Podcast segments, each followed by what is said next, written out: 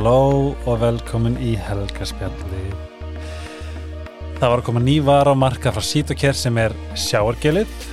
Eh, eins og allar vörnar þá er þetta ekkert smá vandar. Það eru með öll kröftugustu hérna, innhaldsefni meðal annars Títosan sem er algjörlega undir hafsin sem að þau hafa gert okkur kleift að bera á húðun okkar til þess að endun í hana, gera hana sterkari og enn og eftir bara svona gera hana frekar geggja það þið, þið finnir þetta um leið og prófa að smetla okkur maskan, mæli með en serumið sem er í maskanum er að sjálfsögja til í túpu og er bara algjörlega magnað. Gjafasettin er komið til sölu og endilega kíkja á það á sítokær.is með afstökkunum helgarspelli getið fengið afslátt. Uh, muniði að taka vítaminin ykkar núna í myrkrunu, D-vitamin og burnrótin blandan er náttúrulega algjörlega krúsjál. C-vitaminin svo við verðum ekki veik eða komast fljótari gegnum pestir ef þeir eru í huga, já iceherbs.is iceherbs Icelandic Supplements á Instagram. Ef þeir eru í huga dínu þá er slípi algjör unnaður, ég get núna vottaða með öllum mínum fingrum og tám og andliti og allt allt þetta, þetta er bara, þetta er mögnu dína og ég elska að geta sofið í einhverju sem ég fæ bara svona, oh my god þetta er gæðveikt síðast en ekki síst, Dr. Tílis eða bað, þá áttu Dr. Tílis það er bara pínus og les þeir eru með alls konar óljur og unastlegar unastlega ilmi og magnesíum er bara ótrúlega mikilvægt og húðin er eitt besti svona, hvað segir maður, svona meðtakandi magnesíum Þið fáið það í hagkaup, lifaheilsu, livju fjaraðkaupum og öllum helstu verslunum. Oh, Ok, ég er búin að, laka svo til að segja ykkur en til mín er komin gestur og áðurinn í leiks þá var ég að segja ykkur frá að ég las nýju bókinnar í Tælandi. Og upplifunin hefur verið vægasagt og þetta verið manifestast í lífið minu síðan og ég held ég hafa aldrei verið starströkk og í dag. Kannski þegar Birgitta Högdal kom, ég veikinu það það er svona Alda Sigmarsdóttir þú og Birgitta Högdal takið þann titil. Verður velkomin. Ég minn einu takk fyrir. Ég er svo glöð að vera komin til oh, sömulegir og það var svo fyndið þegar þú komst. Ég bara oh my god, hvað ég veit mikið um þig. Ég meina við bara fjallumst í faðma hérna. Fyrir þessum alltaf þekst ég eiginlega svona einhvern veginn kiknaði bara í njónum og þú greifst mig. Það var, veistu, það er eitthvað við þá. Ég vil aldrei, þetta er svona ný upplifin fyrir mig að ég hef lesið áður svona memoirs. Mm -hmm. aldrei hitt einstaklingin sem ég hef verið að lesa um og pl pluss það ég hef aldrei klárað hinnar memoirsin mín Mm, okay. en ég svo sannlega kláraði þessa með nokkuð dramatískri með svona tilþrifum en þessi bók er væga sagt stórkostleg Þakka þið fyrir Hvernig er þetta wow. búið að vera? Þetta er búið að vera alveg daltir mikill rústi banni sko Trú því? Já, ég átti ekki alveg von á þeim viðtökum mm. sem hún hefur fengið mm. og hérna þannig að já, ég vissi svo ekkit hverju ég átti vona og ég bara var ekki með neinar væntingar mm. og um, ég fengið alveg bara ótrúleg viðbröð og margir greinlega sem tengja við hana og mm, sem finnst þetta kannski bara svona svolítið tímabært innlegg inn í Kultúrin. tíðarandan í dag. Einmitt. Vegna að hún fjallar að mm, já, stórum hluta um narsisisma mm -hmm. og í, í, og, í þessari bók er verið að tala um narsisistist foreldri. Já, hvernig það er að alast upp með narsisisku foreldri og hvað, hvaða áhrif það hefur á barn. Ertu ekki líka smá svona oh, ég fer alltaf í ennst, ennst hérna, slang, en það verður kannski smá í ennst hérna Gæti verið smá ennsk slag síðan en impressed ég veit ekki hvað það er sko. af sjálfrið þér að hafa tekist þetta upp á bara dítela og minningar og hversu djúft þú þurftur að grafa? Jú ég get alveg sagt það að ég um, ég fór upp í sumabústað sem að hérna fjölskylda mín eða pappi minn og konan hans eiga og sem ég hef stundum aðgang að og ég hef um, nýtt mér daldi mikið til þess að fara og skrifa.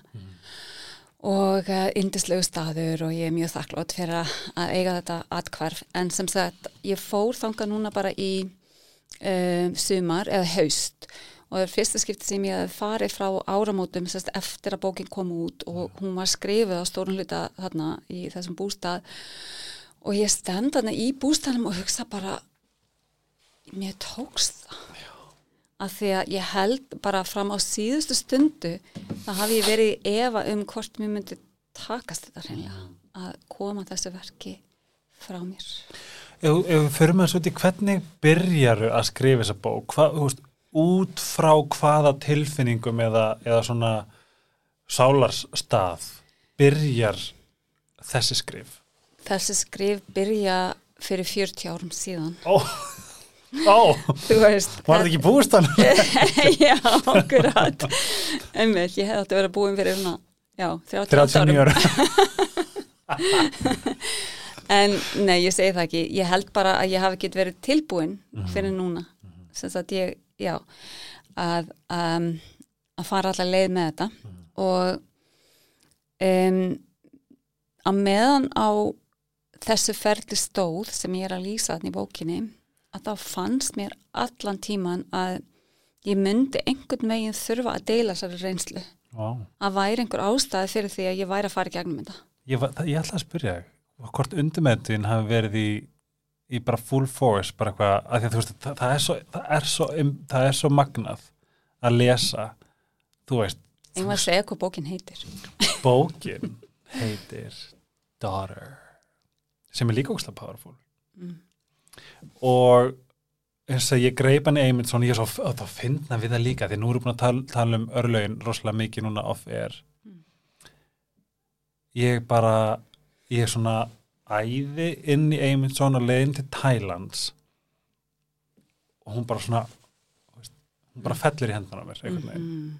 kaupi og þetta er, þú veist eins og ég, orðlösi kannski pínu hvað var ótrúlegt að lesa hana og hvað, hvað hún líka svolítið magna hvernig hún náður að koma með svona hvað er þetta svona, svona uppstígandi hérna sleggju einhvern veginn svo í lokin sem að hjælt manni svo investir um. Ég varð að vita ég varð að lesa næsta kapla og eins og ég hef sagt við áður ég hef byrjað á mörgum bókum klára rosalega fáar. Að því að ég hef svolítið verið að býja eftir þessi mamma segir stundum eitthvað, já ég, þetta er svona bók sem ég bara gata ekki látið frá mér. Og ég held bara, what? Hvað? Leðina bara frá þér einhvern veginn, en ég skilða núna. Þetta er rosalega mikið rós. þetta er það, og þetta kemur sko bara frá dýpsta staði hjartana mér, af því að, að því ég er einhvern veginn líka stoltur af mér á eitthvað krútlegan hátt af litla mér eða eitthvað sem klára aldrei neitt, að hafa klárað hana Mhm. um, en ég er pínu ég verði ekki, ég er pínu forvitin svona, hvernig er ferlið að skrifa svona díteilaða og þurftur ekki svolítið að svolítið að rífa það í tætlur og setja aftur saman til þess að munið allt. Ójú. Hvernig er það? Um, það var bara mjög hefi dæmi sko Mhm. og um, svarið við því af hverju þetta hefur tekið mér svona langan tíma er að ég hef byrjað svo oft á þessari bók og hætt. það? Já.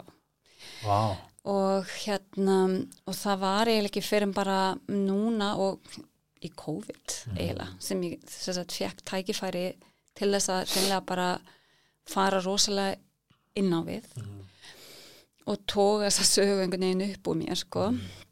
Og fara alla leið með hana og ég vissi að ég myndi þurfa á öllu mínum sála styrka halda. Þannig að ég meðal annars bara var edru eða? ekki það að ég hafi nokk tíman átt í einhverjum vandræði með áfengi en ég vissi bara að ég vildi að ekkert trublaði mig. Vá, þannig að ég hef ekki drukkið áfengi Síðan? Eh, nei, nei, vá, mm, síðan 2019 og ég hef ekkert farið að byrja aftur vegna þess að ég bara mér líði svo ógeðslega vel og bara mikla orku og já. En það er bara svona smá aside. Mhm. en hérna uh, þannig að já og svo á meðan á ferlinu stóð að um, þetta náttúrulega triggerar allt sko aftur. Þannig að það má segja að ég hafi svona bara kafað ofan í um, alla þessa hluti á ný. Mhm. og sko við erum náttúrulega við sem erum í sjálfsvinnu og erum komittu til þess að verða alltaf betri útgafa af okkur sjálfum uh, við erum aldrei útskrifuð. Og þa það verður bara út æfina býst ég við að, hérna, að ég verði að vinna í mér eh, vinna innan gæsalappa. Þetta er bara, þetta er bara já. og hérna uh, og þetta er náttúrulega spírall þú veist, við förum alltaf bara dýpra. Þú veist, maður er kannski farið gegnum sömu hlutina en maður tekst á við það á dýpri hátt og maður verður einhvern veginn svona uh, sjálfsörgari og, og, og einhvern veginn meira centered og eitthvað svona. Kjarnaður heit ég. Já, hérna. um, þannig að ég hafði aldrei farið svona rosalega djúft onni allar mína tilfinningar og um, og að takast á við þessa hræðilegu orku sem að narcissismi er og kemur inn í bara þeir sem að verða fyrir því að já, vera í nánum tengslum við narcissista og, og fyrir miklum áhrifum af narcissista og narcissisma um, þetta er orka sem að fer inn í innstu frumur.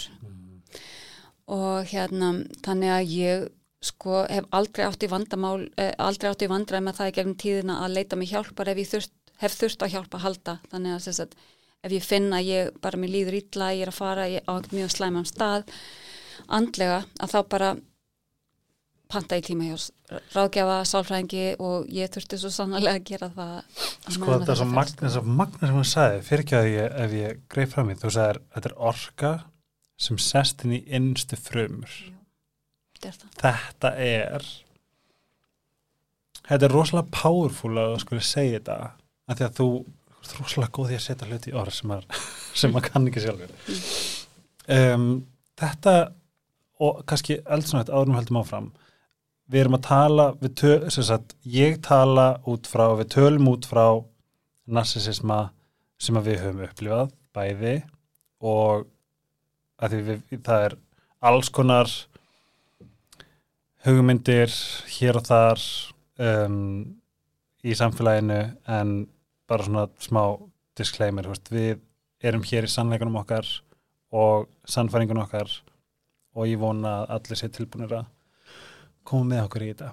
Af því að þetta er veist, ég sagði við öldu áðan, veist, ég er með svona hnút í maganum að fara í gegnum þetta, að ræði þetta, að skoða þetta upp á nýtt þetta vekur upp alls konar ókveikjandi tilfinningar og ég finna ást, mér líður svona mér líður sem getur fyrir að grenja og ég ætla bara að byggja ykkur um að, að hlusta á okkur og bara treysta því að við erum hérna, 100% í einlægni og með besta ásetning sem við getum mögulega gefið fram. Algjörlega, algjörlega. Um, að það sest í okkar dýpstu frumur finnst mér vera rosalega powerful.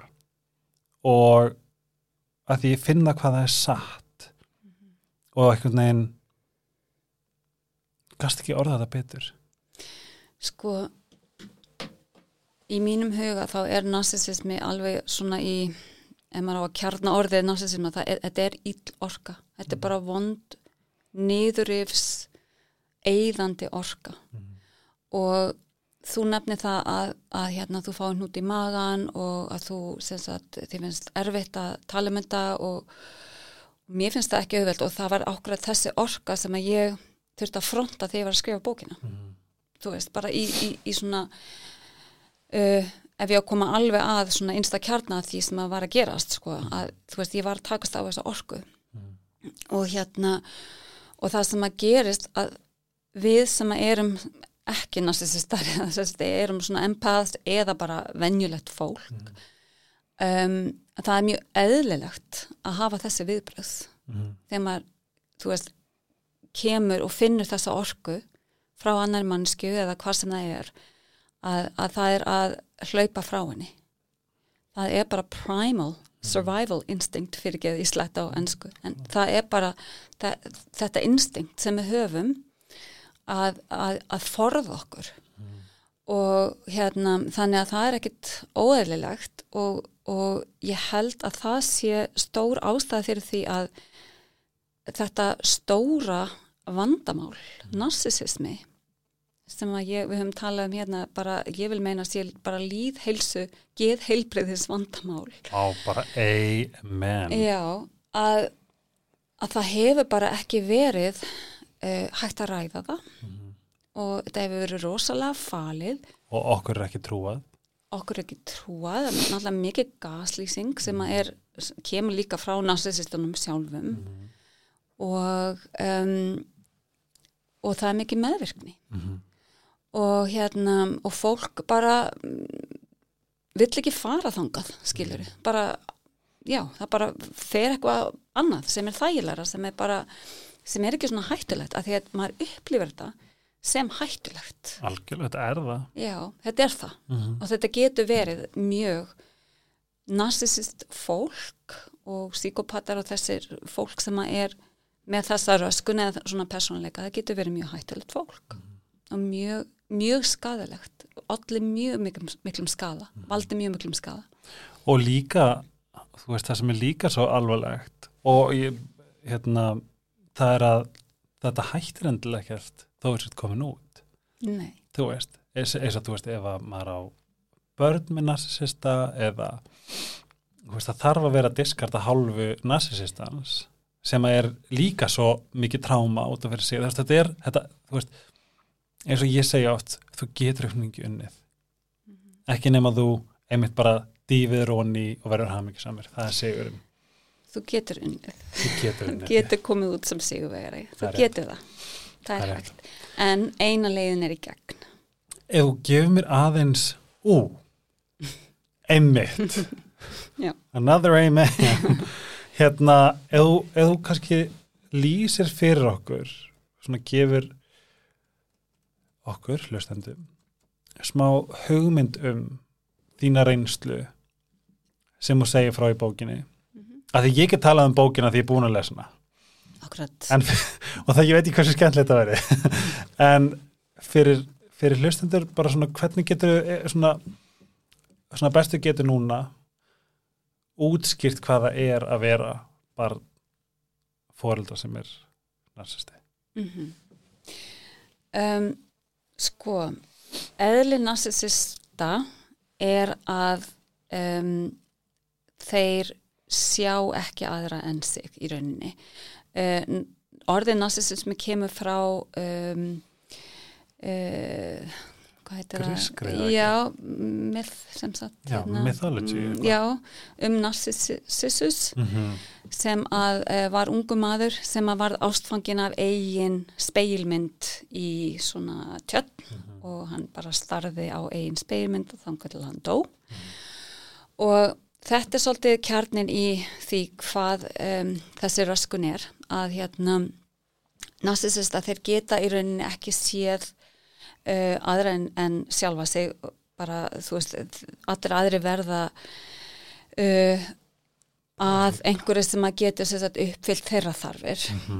Og, um, og það er annað sem einkennir þetta er að uh, narsisistar þeir hafa ekki samkend með öðrum og það er bara eins og það vanti í það að geta sett því spór annara Og annar punktur með þetta er líka að þeir geta falsað samkjönd. Já. Þetta er mjög mikilvæga punktur af því að það er ein- eins og einn sagði við mig, hún sko með fullt af samkjönd mm og þarna kemur líka inn orð hliðin á bara action, -hmm. gjörning. Já, sko, já, að því að þeir, uh, já, þeir náttúrulega, ég not, bara kalki eins og þetta er náttúrulega bæði konur og kalla geta verið náttúrulega en hérna, um, þeir búa til falska ímynd til þess að fela sig á bakvið og, og hérna, og það er líka stór hluti af þessu, sem sagt að, að þeirra innra sjálf er svo skemmt og þeir verða sérst að búa til einhverja ytri ímynd til þess að fela það sem að, sérst, er innstinni Mhm. og um, hættulegasta fólkið fyrir narsisistan eru þeir sem að sjá í gegnum það Mhm. þannig að samskipti hjá þeim ganga rosalega mikið út á það að ná stjórn og ná valdi yfir öðru fólki og það er bæði til þess að um, diljast sem sagt að sjá, sjá ekki hver þú er, hver þeir eru í raun og veru. En það er líka til þess að ná valdi yfir uh, öðrum til þess að fá það sem að það kalla á ennsku narcissistic, narcissistic supply uh, sem að er þá til dæmis stanslös viðurkenning, stanslös aðtegli, uh, uh, allt það sem að eiginlega svona fóðurar þeirra narsisisma og þeir narsisistar þurfa á því að halda á sama hátt og uh, þeir sem er í neyslu þurfa skamtinn sinn eða alkoholista þurfa drikkin sinn, það þurfa narsisistar their supply og þetta er náttúrulega sama orðið á ennsku notað yfir hérna eitulif uh, sem að Supply. eitulifur neytandi þarf að ná í, supply. Skammtinn sinn. skamtinn sinn, akkurat. Og hérna, já, þannig að uh, hjá narsisistum það ganga samskipti rosalega mikið út á völd, að ná valdi og af því þeir hafa ekki samkend með öðrum að um, þá gengur eiginlega allt út á einhverja valdabaróttu í samskiptum. Og þú getur ímyndaði sko að vera bann inn í þessum aðstæðum. Uh, það er svolítið annað uh, svona atriði sem að narsisistar nota mjög oft og sem við nefndum hérna áðan þegar við vorum að tala saman eða þú nefndir sem er að uh, einangra fórnalumir sín. Þess að þeir sem að þeir velja til að veita þetta narcissistic supply. Að þeir gætnan uh, reyna einangra þá annarkvort fysiskt með þá að fara með þá á einhvern stað þar sem að þeir kannski hafa ekki aðgang að einhverju stuðningskerfi eða vinum eða einhverju Fjölskyldu. já, fjölskyldu. Þar sem þeir eru eiginlega bara svona algjörlega upp á narsisistan komin og önnur leið til þess að einangra uh, einstakling er náttúrulega að brjóta hann nýður þannig að hérna hann þorir ekki uh, eða finnst hann ekki nógu góður til þess að vera í samskipti með aðra nema narsisistan þannig að þú veist, þetta er svona þetta er, já, svolítið stikla á stóru þarna. En í mínu tilviki að þá sem sagt eh, fer móði mín með mig til útlanda og, og hérna og gerir þá kröfu að ég sé framlenging af sér og það er líka í fræðunum talað um sem sagt the narcissistic extension það er alveg þekkt uh, dæmi já. og hérna og allt til dæmis sem að þú sýnir uh, já Narsisistin gerir þá kröfu að þú sért nákvæmlega eins og hann eða hún vill sem er yfirleitt einhvers, einhvers konar annarkvært speilmynd af þeim. Uh, þeir gerna sko projektera, uh, project yfir á þig sem sérst, yfirfæra uh, yfir á þig það sem þeir vilja sjá Mhm. eða það sem þeir þól ekki eiginfari. Það er líka annað uh, í þessu. Þannig ef að til dæmis narsisistin hann skinjar að hann er uh, já, hann, hann burðast með mikla kannski sjálfshattur eða eitthvað svo leiðis og veit að hann getur ekki fungerað í heiminum með þetta á bakinu Mhm. að þá velur hann annan einstakling sem að hann getur síðan þá varpa þessu yfir á Mhm. og hata þann einstakling í staðin þetta er kannski svolítið flókið fyrir einhverja sem hafa ekki pælt mikið í þessu en, en hérna, en þetta er þá þannig að sá sem að er segjum bara burðardýrið fyrir narsisistan og veiti þetta supply í rauninni uh, að uh, hann kemst ekkit út úr þessu hlutverki. Og hérna Af því að hann er líka búin að taka öll nöðslega skref til þess að aðilinn fatið þetta ekki. Já, já, það líka sko, þú veist, þetta er flókið þetta, er þetta er flókið. og það er svona, þetta er marg þætt og um, sem bann að alast upp með nazísku foreldri sem að gera þessa stöðugu kröfu að þú sért ekki þú heldur einhver annar. Eh, og í hvert skipti sem að þú sýnir kannski einhver svona sjálfsbrotna um, eh, hugmynd um hver þú ert, þú veist, þú sýnir kannski einhver, einhver uh, einhverja tilfinningar eða ert með einhverja skoðanir eða eitthvað sem að eru ekki þóknanlegar narsisistanum að þá er því refsað. Mhm. Þannig að þú ert þá refs, þér þér er stöðugt refsað fyrir hreinlega að reyna að, að vilja búa til þinn eigin personleik og karakter og identity og hérna og, og þetta er svona viðvarandi tráma þú veist þetta er stöðu höfnun stöðu refsing og, og þú náttúrulega sko þróar með þér sem hérna barn eh, svakalega mikla skömm fyrir það eitt að bara hafa mjög réttmæta kröfur um að þínum þörfum sem barn sé, upp, sé uppfylltar þarfir sé uppfylltar. Að því að skilabóðin frá narsisistum eru að það er bara þeirra þarfir sem að skipta máli þínar þarfir skipta engu máli.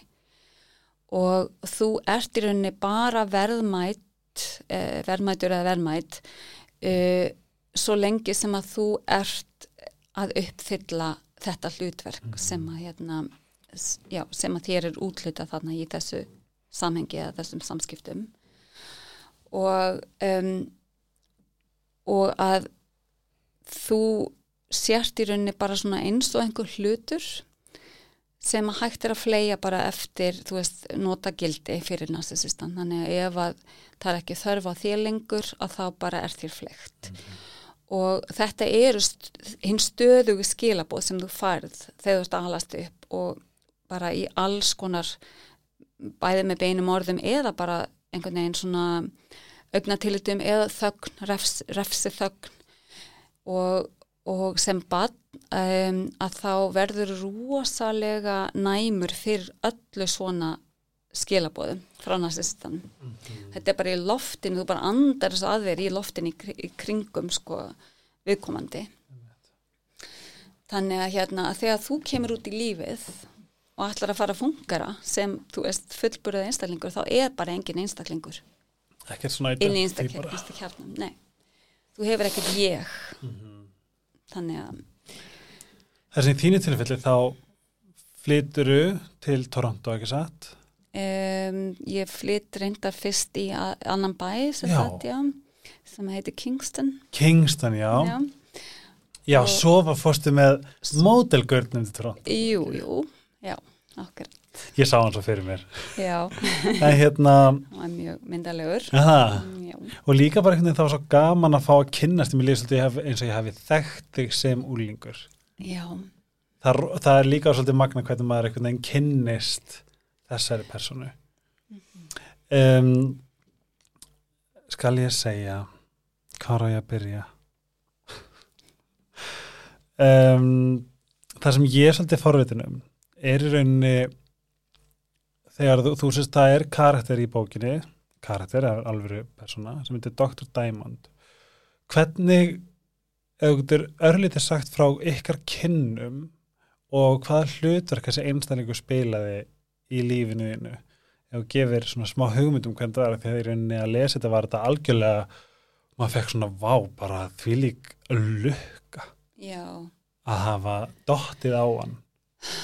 Já, það er svo oft í gegnum líf mitt sem að fólk hefur komið til mín sem að ég bara, þú veist, þetta bara sendt til mín til þess að bjarga mér og hann bara var if there's a God. nákvæmlega og eh, hann var klálega einn af þeim svona englum sem er komin í líf mitt. En hérna, já sem það er líka fyrir ekki að gripfræmi þú varst á helluðum stað já, tilfinningalega, já, sérstaklega örfáum dögum áður en heitir hann. Mhm, Þú veist, það var það sem var svo, svo veist, mér leið, mér leið næstu því eins og þú væri bara að fara að missa tökin, nei, ég var algjörlega búin að missa tökin. Búin að missa tökin Jú, og bara ég- alveg svona alveg bara, þú veist, bara by a thread, skilur við. algjörlega. Kannski að ég man þegar þegar þú hittir og í bókinni þá segir frá því þegar þú svolítið bara svona, æ, veistu, fyrir, bara sorry að ég að taka tíma en uh, eitthvað, uh, ég er bara eitthvað klikkað eitthvað svona, að hann hafi sko býtaðist, þú veist, hann náði aðeins að veiða þig inn a, a, á góðan hátt. Mhm. að því að hann, hann skilur eftir bara sérstæðlega sem lesandi bara, wow, þú veist. Mhm, mhm. já, hann sá náttúrulega hann sá mig. Einmitt, og hann kannski er sá fyrsti sem að sér mig, þú veist. Og ég var í þeirri blekkingu, liðið þeirri blekkingu að ég er að ríði við þetta sjálf.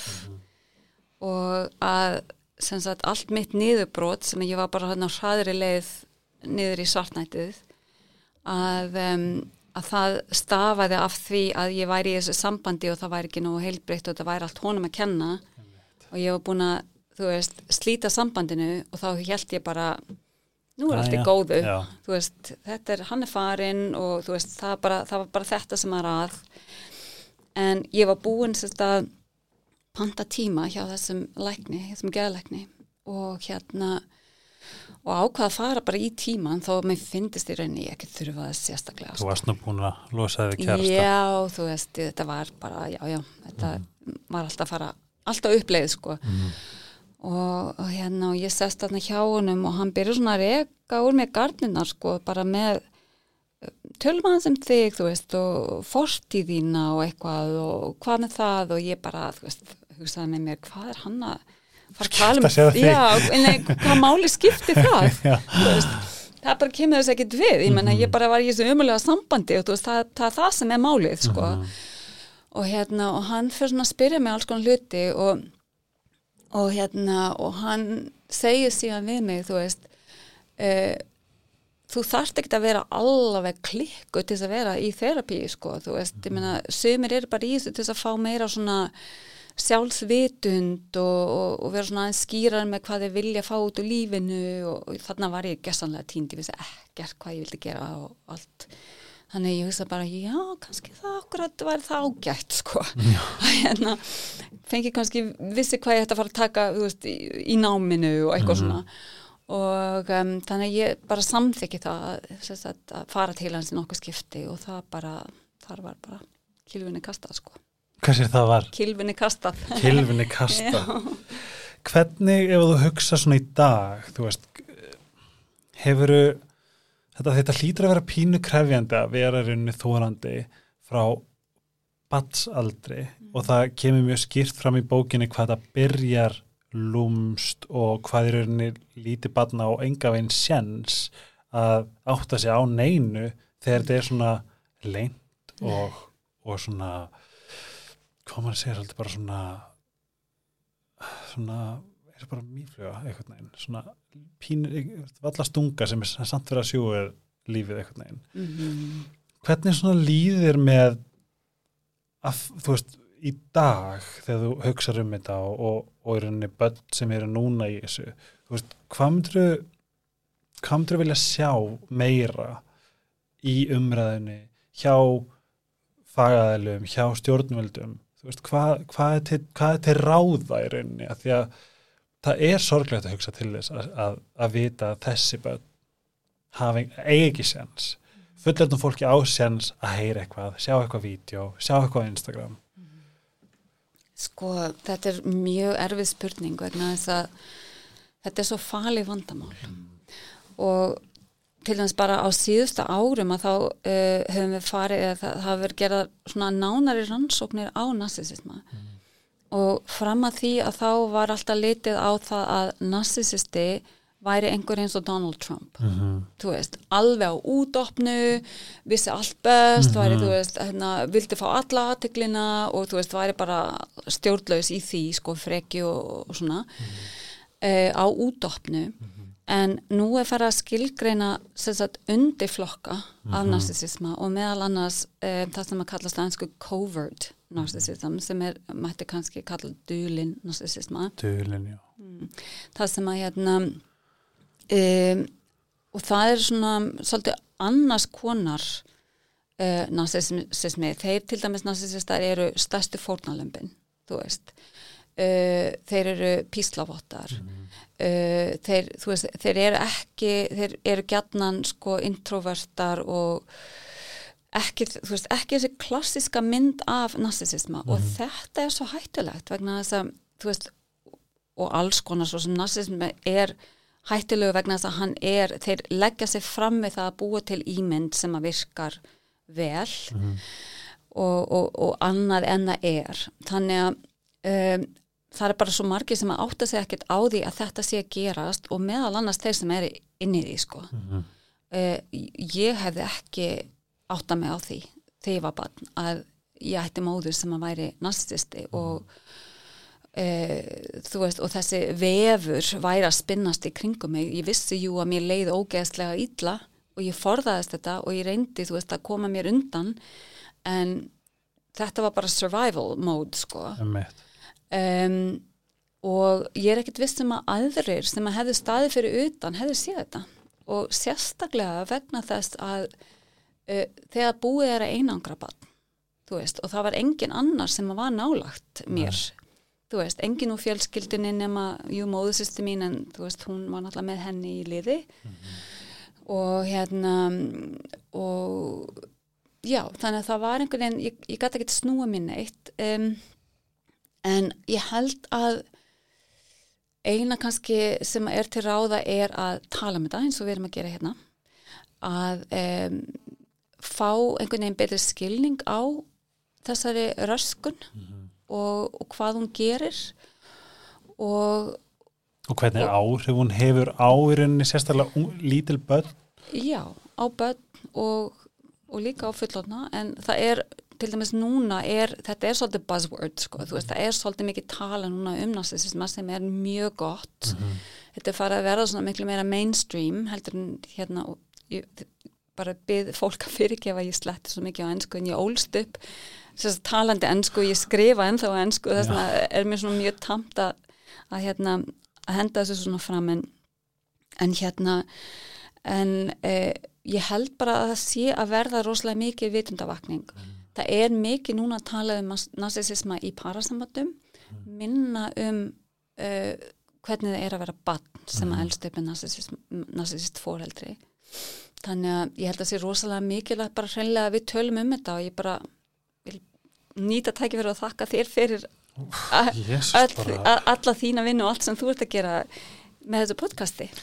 Að því þú ert líka að ná til fólk sem að þú veist uh, kannski þarf að heyra þessa luti og, og fá viðurkenningu og staðfestingu á að og bara svona lána að dómgreind skiluru að þetta er, einmitt sko, maður finnur líka þegar maður hefur farið í gegnum þetta hvað það er líka manni hjartans mála maður, að maður sko, þú veist, geti gert eitthvað breytt eitthvað smá.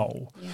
og þú talar um það þegar við vorum að ræða saman fyrir podcasti að þú last bók uh, þar sem maður rithöfundur talar um hvernig hvernig mögulega er hægt að finna fyrir því að fólk sé kannski ekki alveg það sem að við sjáum mm -hmm. mögulega Mm -hmm. narsisist í leinum.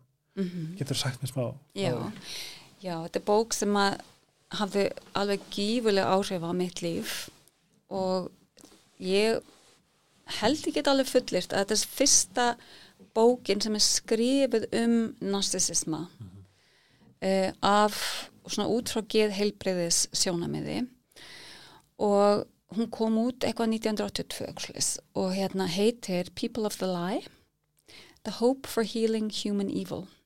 Ó, og uh, rithöfundur eða maðurinn sem skrifaði hana hann er geðlega var, hann er þetta látin núna en sem sagt hann var geðlegnir og hann var líka kristinn og, og sérst, fór ekkert í gravgötu með það. Sérst, hann tók þetta svolítið út frá svona Christian kristnum hérna, Gildum, uh, já, eða svona uh, kannski sí, sín, frekar vegna þess að hann talar um þetta sem sko evil skiluru, að þetta sé þessi orka, hún sé evil, þú veist, er- ef tvær orkar í heiminum, gott og illt Já.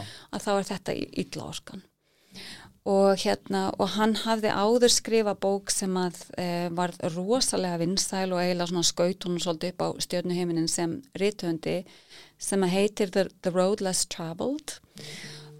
Mm, og í henni að þá talar hann rosalega mikið um sko mikilvægi þess að finna uh, sinn eigin farveg í lífinu vera ekki að veist, gera það sem aðrir uh, segja mann að gera og svona. Og hún allar ströngkvarm þessi bók og svo tveim, þreimur árum setna þá kemur hann með þessa bók. Og hann skrifar alveg í inganginum uh, The Road Has Traveled var svona sæt, góð bók, næs bók. Þetta er ekki næs bók. Og hérna sem og, er bóki sem vorst að tala um. já, þessi People of the Lie. Mhm. og hann talar um að því hann hafði svo mikla reynslu sjálfur af því að um, að vinna, ekki vinna með narsisistum vegna þess að það, það er mjög erfitt að vinna með narsisistum Mhm. en hann hafði unnið með til dæmis börnum narsisista þú veist það hefði kannski þeim verið vísa til hans af uh, barnavend eða eitthvað svo leiðis og hann rekur alveg sko dæmi í bókinu og þeir eru mjög sjokkirandi en, en uh, það sem að, það er margt aðeinsvært í þessari bókin, eitt af því er það að hann lýsi því sagt, hvenar hann veit að hann sé í návist narsisista og hann segir sem sagt að e, það fyrsta sem hann finni að það er að hann fái svona e, eins og svona ógleði í magan og hann, hann notar orðið, ennska orðið revulsion sem er svolítið erfitt að þýða en það er svona blanda af svona ógleði og svona einhverju þörf til þess að hörfa eða sagt að flýta sér burt. Og hérna og, og hann upplifir það svona þessa, þessi ónót í maganum og merki nummer tvö sem kemur yfirleitt svona fljótlega eiginlega rétt og eftir að það er svona confusion. Já, svona Sem er rosalega krúsjál, finnst mér krúsjál tilfinning að skoða. mjög svo, mjög svo. Og ég get alveg sagt að ég held að lang flestir sem að eru með narsisistum uh, upplifi mjög mikið af þessu. Og nefnilega líka bara svona alveg, alveg sko óendanlega mikla, mikla, alltaf, alltaf, alltaf ringlaður. að, og svo er maður alltaf eitthvað, æ, ég verð nú bara, nu, nu, nu. Já, eitthvað svona- að mér. Já, eitthvað að mér. En sko, sérstaklega núna þegar maður veit betur og við þurfum að gera okkur þann greiða að þegar við erum ringluð og eitthvað, eitthvað skonar samskipti gera okkur bara svona hvað hvað er í gangi? Þú þarft ekki sem mannesku í lífið þitt. Bara svona believe you me. Það er úti svo mikið að fallega fólki og það býður ykkar það býður allra personurnar sem þú átt skilið sem koma um leið og bara þú ert búin að þú veist, þú ert búin að heila þig, vita hver þú ert, vita hvað stendur fyrir, vita hver gildin eru það, tíðnin mun soga að þér rétt af fólki. Algjörlega, algjörlega. Ég bara finn bara svona ef ég mætti koma eittur að bara ekki vera ringlaður geta fokka, bara Mhm. geta fokka Einmitt. alls er hver er. já, vinur, kunningi, skiptir ekki svona máli bara ekki vera já. að þetta er svo gott, þetta er svo gott. Já, og bara svo ég klári Orð. þetta einmitt sko, ekkert mál. En, hérna, en það sem að hann sagt, lýsi síðan að ástæðan fyrir þessu, þessari confusion já, hann skoða það. er það að hann er að horfa á einhverja ímynd, að því narsisistin er svo mikið snillingur í að setja upp falska mynd Mhm. og, og eitthvað front. Og hann, það sem hann skinjar með líkamannum er annað en það sem að heilin sér. Sér eða við, Ó. já, og þess vegna skapast þessi tókstreita á milli það sem þú líkamann þínum og það sem einhver annar er að segja þér. Og hann segir bara fullum fetum sko ég er bara fann að vita núna þegar ég er í návist narsisista það er þetta sem ég er að upplifa. Ef ég upplifi þetta þá stend ég upp og ég lappa út. Wow. og fer bara út og, re og reyna að ná áttum sko. Og hérna og þú veist við ættum öll að gera þetta. Bara tilengur okkur, tilengur okkur þetta. Og, og líka þetta bara segir svo mikið um mikilvægi þess að treysta líkamannum þú veist, Nefnilega, líka það er tiling okkur þetta bara svona fyrir, fyrir ykkur sem að hlusta og eru kannski bara svona, ég veit eitthvað hvort ég get gert þetta. Þetta kemur svo rosalega stert með áformaldi sjálfsfinnu já, þegar þú, að því að sko þetta, þetta fer allt eftir því hvað viltu hafa í kringu þig? Hvern viltu hafa í kringu þig? Hvernig Mhm. samskipti viltu? Mm veist, og við fáum að setja þessi, þessa kröfur sem þessir krút karakterar sem við erum að því að ein tegund af, af samskiptum hendar ekki öllum og allt þetta þess að þegar þú veist vá, bara ó, vá, þá svo indist þetta að tala við hana. Ok, Mhm. frábært. Verður þá bara meira þar sem þú kemur heim og segir við makaðin vinnin, bróðir vá, hvað var geggja að tala við hana. Já. Þú veist, við þurfum ekki hundra manns í kringum okkur, mm þú veist, við þurfum bara gott fólk í kringum okkur sem eru sem eru í, í svona sem bara lifa sömu gildum á við og vilja jafn vel og við og og sjáman og sjáman þú veist, Já. þetta er svo og ég finna, þú veist, hvað hva ég er þakklátur að að vita þetta henda mér ekki. Ég á fullt af orku að gefa fullt af orku að geima ég get ekki verið að eyða í þetta. Mm -hmm. það er svona confusion er ringlaður þú þarft þetta ekki. Mhm. þetta getur verið bara svona fín leið narsisist eða ekki. Mhm. fín leið til þess að bara ég tek, þú veist ég, okkur getum ekki satt neitt á íslensku lengur. I take my chances. Já, og það er líka bara gott að byrja á því eins og hann lýsir þessi sko, þó að sé ekki annað en bara að fara út úr herbygginu í smá stund og ná áttum, þú veist. Bara koma þér út úr aðstæðinum þannig til þú getur svona aðeins átta þig. Mm -hmm. hvað er að gerast hérna? Mm Þú veist, okkur líður mér svona. Og við höfum kannski mörg upplifað þetta. Þegar við erum í hóp mm ving, stórum vinkunahóp þú nærð betur við hana en ekki hana. Mhm. og það er alltaf að leiði bara að vera þannig.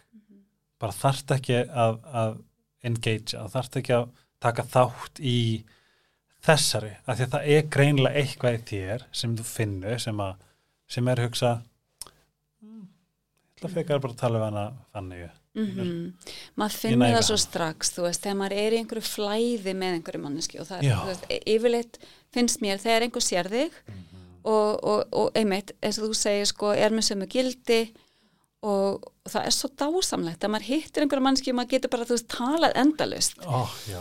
Frekar en þegar maður er maður finnur líka hitt. Mm þegar maður er að rembast -hmm. þú veist, og, og og maður finnur sko að manni líður illa með sig í návist einhvers. Það er algjör red flag sko. Finnur ekki líka hvað maður svona, svona upplifun og svona sjálfsvinnu, svona útkomi sjálfsvinnu, hvað það er líka frelsandi að fá að vera bara, "Eh, ekki fyrir mig, gjörsamlega bara þurfi ekki að eyða púður í þetta. já, gjörsamlega en þegar maður elst upp eins og ég með badnasis, Já. sem badnasista að eitt af því erfiðasta það er þessi sjálfsefi Mm -hmm. og að hafa ekki domgreindina í lagi og vera svo viss um að því að maður elst upp við að þessi stöðu við skilabóð að sé eitthvað að þér. Þú veist, það er ekki að foreldrinu. Þú veist, það er eitthvað að þér. Mhm. og hérna, og þetta er eitthvað sem ég virkilega þurft að berjast við sko, að Já, hvenar, hvenar svona, hvenar finnur að þú ferð það því að þú, í lókbókarna þá ertu tvítug, þá ertu fyrst ekki rétt að búin að ná að púsla þessu saman. já, Það, og þú veist, það, það bara, Jésús, bara litla sjokkið, eflaust. mm Hvenar nærðu og hvað tekur við í bara svona þínum bata Mhm. upp á það að auðlast þetta, þessa, þetta svona identity og að, að auðlast bara eigin sjálfstæða hugsun og eigin sjálfstæðar ákvarðir hvernig, þú veist, hva, að því nú vil ég þetta bara fá framhald, sko hvað, svona, já, hvernig var ferðlið? sko þetta er náttúrulega eilífinna eins og ég var að segja náða sko, veist, maður er ekki útskrifaður.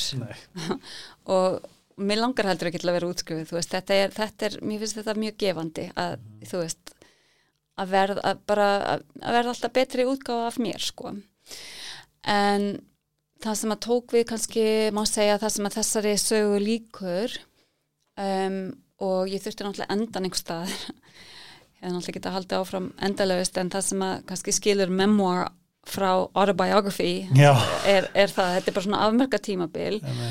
Og, og þarna, ah, góð punktur, ég vissi það ekki. Jú, já, þetta, þetta, er, þetta er munurinn. Já, já, og hérna autobiography er til dæmis einhver frægur sem að byrja bara á ég fættist þarna og svo og hér er ég í dag. en memoir getur verið, þú veist, fimm dagar úr lífi.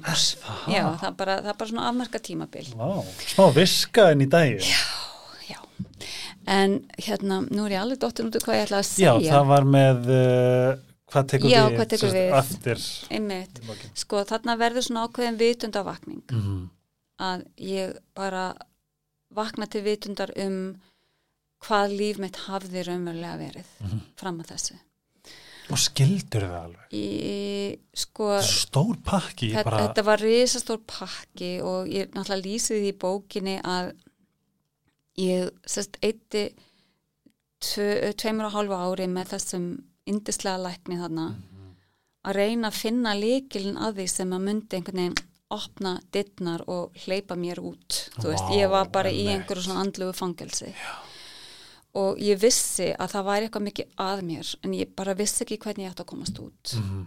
og hérna og það svo fyndi ég bara upplýði mig á bakvið svona eitthvað gler þú veist að ég, ég náði ekki sko sambandi við annað fólk. Þú veist, mér fannst ég vera einhvern veginn inn í einhverju svona lokuðu hérna rými og ég stundum pælt í því setna að þegar fólkið sem er næstæðsiti og sér þig ekki að ég hef oft líst því sko eins og móði mín væri á bakvið glervegg. Þú veist, ég, ég sá hana ég heyrði í henni, ég talaði við hana en ég gæti ekki snert hana. Það var engin andleg snerting þannig á milli. Nei. og Og hérna, andleg snerting. já, veist það, var- það var engin hlýja, það, það fór ekkit í gegnum þetta gler. Vá. og hérna og, og þegar ég síðan kem út í lífið og ætla að fara bara að vera, veist, eiga sambönd við fólk, hvað sem það eru vináttasambönd eða ástasambönd að þá var þessi glervekkur hérna ennþá ég var ennþá fösta baku glervekkin Vá. en allavega að hérna að það sem að teku við e, í rauninni þarna þegar þessi sleppir er að ég fór í svakalega mikla sjálfsvinnu svona líkamlega sjálfsvinnu, þarna er ég búin að vera sem sagt í andleri vinnu. Fæ loksins púslispilin tvö púslispil sem ég þarf til að, uh, ljúka heldar myndinni Mhm. það sem ég allt í hennu fatta vá, þarna er þetta. Og ég held samt að ég sko, ég, ég ha- hafði ekki dómgreindina til þess að vita, er þetta rétt hjá mér? Er ég snarklikkuð? Eða hef ég aldrei verið skýrari, þú veist, það, var- það var hann að hvort sko. Og, hérna, og ég þurfti bara að fá lánaða dómgreind þannig ég bara fór til míns læknis. Dr. Diamond. Dr. Diamond og þetta gerðist á leiðinni heim frá Íslandi. Uh, ég sérst, fór heim til Íslands í heimsókn og fæ þessi tvö púsluspil sem ég þurfti eða tvö púsl sem ég þurfti. Og svo sest ég upp í flugvelina og þar raðast brotin bara saman.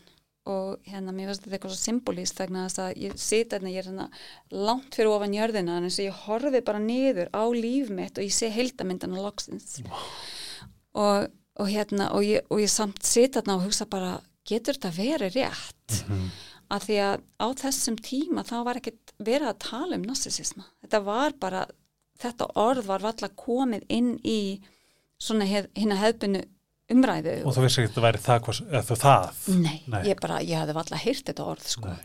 og hérna, en allir þessi hlutir sem að hérna vera, þú veist, framlenging af annar mannsku að vera eiginlega bara uh, ein mannski að tveimur líkumum af því að, þú veist, ég var bara sogaðist einhvern veginn inn í móðu mína sko. Þetta er, já, flókið þetta, ég lýsa þessu miklu betur í bókinni. Já, getum við ekki lýst þessu þannig að því að þú segir þetta svo magna þú segir sko spiritual merging? Já, það var og þannig. það er svona, það er svona eins og ég skilda ef ég má, ef ég má pröfa. Mhm. sem sagt mamma þín er með eins og ég skilda allavega er með þetta þú veist bara allannan sársöka frá eigin tráma Mhm.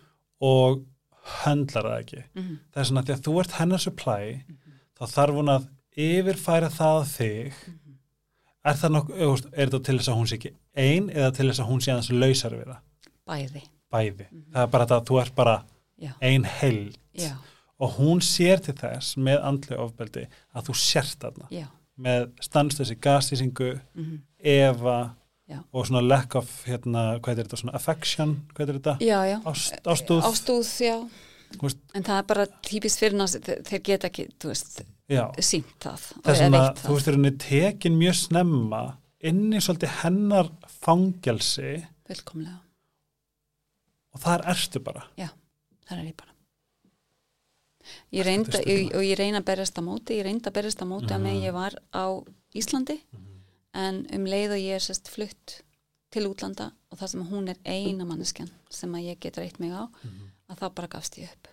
Já, og maður verður bara þannig hættir að berjast? Já, ég menna já. Og maður verður eins og gísl í rauninni. Og maður þróa með sér og þetta er alveg þekkt sko hjá, hjá börnum narsisista að þeir þróa með sér svona Stockholm syndrom mm, næmitt að, að hérna að fóreldri verður eins og gíslatakinn og barni verður eins og gísl. Wow. og, og, og þú sérð ekkert að fóreldrinu þú sérð ekkert að veist, og ég dyrkaði móðu mína. Ég bara dyrkaði hana. Og þanga til ég sit þarna í þessari flugvél og ég bara fatta Veistu hvort að svona frá einhverju svona rannsón ef að, ef að þú veist það er narsist foreldri og fleiri börn getur hún átt eitt supply eða getur hún eða getur hún átt fleiri en eitt supply hvað börni var þar? Uh, sko, ég held það en það verða oft svona hlutverkaskipti í svona fjölskyldum. Þannig að eitt barni verður þú veist, gullna barnið uh, the, golden child sem, Sem að fær alla aðteglina, sem er alltaf best sem að hérna, já og, og eitt barni verður uh, hérna, scapegoat býtu það er hérna scapegoat er blórabögullin Blórabögullin Blórabökullin þannig að sagt, og það var mitt hlutverk. Að var, ég var sagt, það var allt mér að kenna. Já, og hérna og, og svo er uh, gjarnan annað barn, ef það eru fleiri en þessi tvö þá er sagt, ósýnlega barnið. Sem að bara, já. Það er svo fyndið í hjá mínum fyrrandi. Mhm. það er algjörlega augljóst að pappin fyrir hann tengda minn var hennar supply það var rosalega augljóst það var rosalega alvarlegt, það var brútalt það var upp á dag Mhm. og þetta eru þrýr bræður minn fyrrandi sem að var rosalega um, svona svona oh, á íslensku? overprotective Mhm. ofur verndari mömmu sinnar Mhm. annar sem að og svona, kannski að, tveir yngri voru kannski meira svolítið að svara fyrir sig. Mhm. og hún testaði þá aftur og aftur og aftur og þegar þeir hrópuð tilbaka þá hörfaði hún og var svona pínu fórtálamp já. Ég er nú bara að reyna covert, covert narcissist já. svo voru hún rosalega ekstrím á pappan, hún bara þetta var bara eins og þetta var ekki málið að hann hefur sannlega ekki þórað í hana. Þá var bara tilbaka. Aldrei, bara glemdi það var bara já og amen. Það var ekki eins og já og amen. Það var bara, það Já. var svo róboti. Vá, rosalegt. Það er svona, Þetta þetta var svo og ég vissi þetta ekki skilu svo ég, mannskemmandi. Ó, þetta er svo mannskemmandi. Já, hann er bara það bara og, og bara, og bara eindislega maður. Öruglega, ángríns, Já, það var svona, ég var alltaf með honum í liði. Já, hann hefur verið svona empath.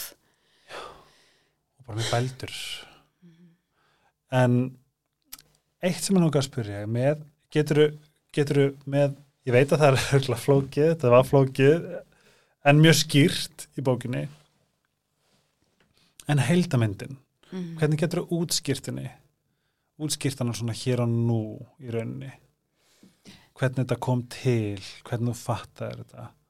Og í rauninni það er svo, veistu það er svo styrlað þú ert, ertu átján ára þarna eða tvítug uh, Ég er um tvítugt Ok. já, já, ég er, nei, þetta byrjar sko svona mitt niðurbrot þegar ég er átjónur já, Já. sko eins og ég sagði við hann hversu háa sko svona emotional intelligence svona tilfinningulega greind þarf ein ung stelpa að vera með til þess að fatta þetta það finnst mér gjörsamlega styrlað og og það er magnað um, hvað hvernig, hvernig var þessi heldaminn til hjá þér?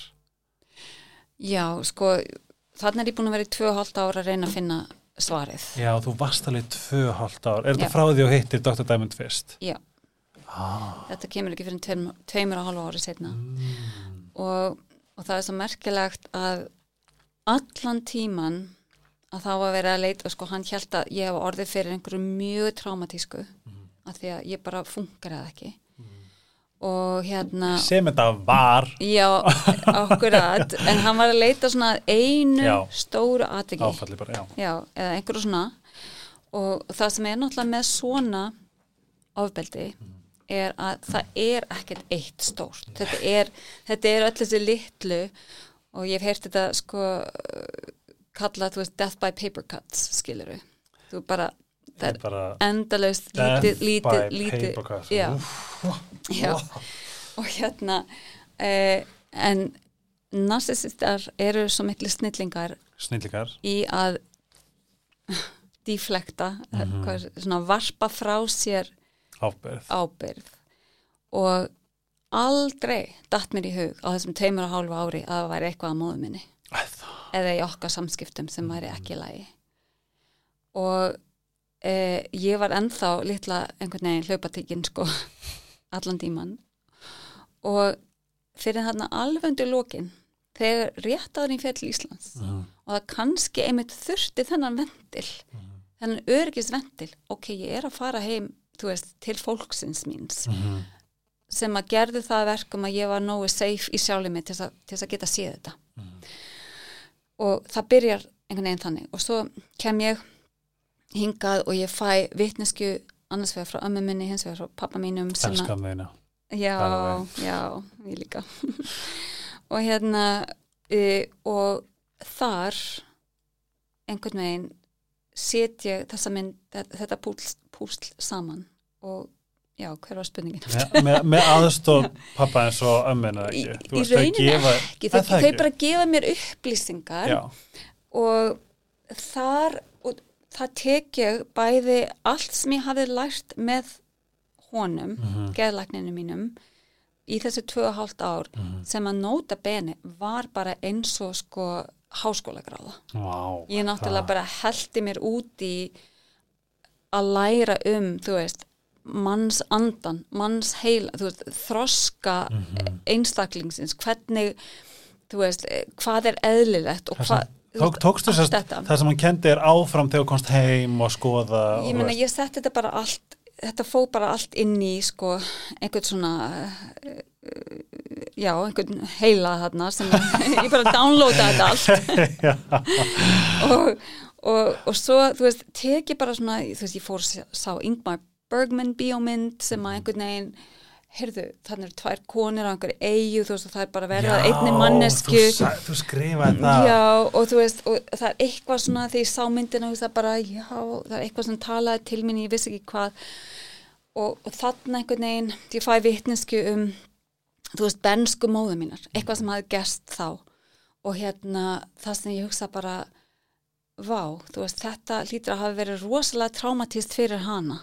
mm, Hvað gerði hún við sitt tráma? Þú veist, nú er ég hérna að vinna með mitt tráma hún hefur ekki gert. Nei, hún gerði ekki neitt með sitt nema getur verið að ég hafi verið að bera fyrir hana hannar tráma getur það verið? Er, er, þú veist er þetta fræðilegu möguleiki að mann vera skilur bregðust svona við og eitthvað? Þú veist, þannig ég bara ég var með einhverja kenningu en ég vissi ekki hvort hún væri rétt eða hvort að þú veist þetta væri bara hvort ég væri bara klikku þú veist.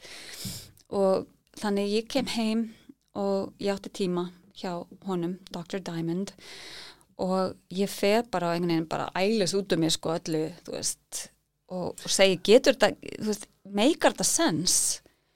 Og hann segi bara vá, þannig að það var móðið þín allan tíman og hann segi bara móðið þín er narcissisti hann Magna sagði- hann hann sagði bara að þá var, þá var hann nýbúin að lesa bókina sem ég var að tala um hérna áðan. People of the. Lie. Og hann Hvað sagði þetta? Er uh, 83 hversleis, Oh bókin nýkomin út. 92, nei 82 82, 83, já 83, já sem þetta var. Og hérna og þetta hugtak narcissism um, þetta hafði alveg komið fram í sko geð heilbreyðis uh, fræðunum áður, ég held að Freud og einhverjir hafi svona eitthvað vísa til þess en þetta var ekki tekið inn í það sem að kalla þetta í uh, diagnostic manual, ég man ekki, það er svona eitthvað langur titill en það er svona handbók sem að Greiningar handbóka sem að allir, já, sem að, sem sagt, allir í geð heilbreyðisfræðunum nota. mm. Þannig að uh, allavega í bandarækjunum og þetta er svona mjög þekkt og flestir held ég bara refera á þetta sko. Og hérna þannig að alltaf þegar eitthvað svona nýtt eða nýjar uppgötanir eða eitthvað kemur upp í þessum fræðum að þá fer það inn í þessa handbók og hérna og það er ekki fyrir en sko held í 1979 sem að narcissism er tekið inn í þessa handbók þannig að þetta er í rauninni bara fjögur ár Vá. eftir það þannig að þú veist þá var ekkert fara að tala um þetta eins og í þessum geira fyrir en bara fjórum árum áður og hann sjálfur, minn geðlagnir hann var bara nýbúin að fatta þetta í rauninni og hann bara, vá, og hann segi við mig farð þú út núna og keiftu því þessa bók, þú mátt lesa um móðina hverju einustu blaðsíðu þann Þú keft, keft gerður það? Jú, ég gerði það, bara af leiðinni heim, sko. þá? Já, hún, hún bara gjössanlega allir strömmkvörfum í mínu líf, þarna bara, þú veist, já, bara blew my mind, sko. Nú verð ég að spyrja, veistu hvað er, dokt, er Dr. Diamond ennþá hér? Um, það er, fyndið að skildi spyrja vegna þess að ég á vinn sem að er geðlæknir uh, sagt, uh, og þau voru hjá okkur í matnum helgina, hann og konans já, og hérna og er, sagt, þetta er svona vina hjón okkar. Og hérna og hann hafði lesið bókina og við, við hefum ekkert hist síðan þá sko. Og hann spyr mig, er hann ennþá á lífi? Og ég hafði einhvern veginn að prófa að googla hann og mér síndist það sko, ég hef ekkert haft neitt samband við hann og hann sagði, ertu búin að senda honum bókina? og ég sagði, nei, ég, mér hafði ekki eins og dottið það í hug og hann sagði, hann sjálfur geðlækni sko, hann sagði stundum það maður bara þakka fyrir sig og hérna, og hann mælti með því að ég myndi gera það, þannig Oh að það getur vel verið að ég reyna að hafa upp á honum og hérna. Ó, hann er að gera það, vá, fældi hvað þetta er mag... Og heitir hann Dr. Diamond alveg? nei Hvernig kom Diamond til? Um, ég ætla ekki að segja það ok. Nei, af því að ég, ég nota ekki raunverulega nöfn í þessari Mm. bók nema um, mitt nafn náttúrulega og, og pappi minn af því að ég náttúrulega er Sigmundsdóttir þannig að hann lítur að verða að vera? Nei, mitt Vá. mm Og þá er, kemur það bara líka krúsjál spurningu. Hvernig ert í dag og hvernig, veist, hefur þetta ennþá áhrif á þig? Um, Í dag er ég bara góð. Um,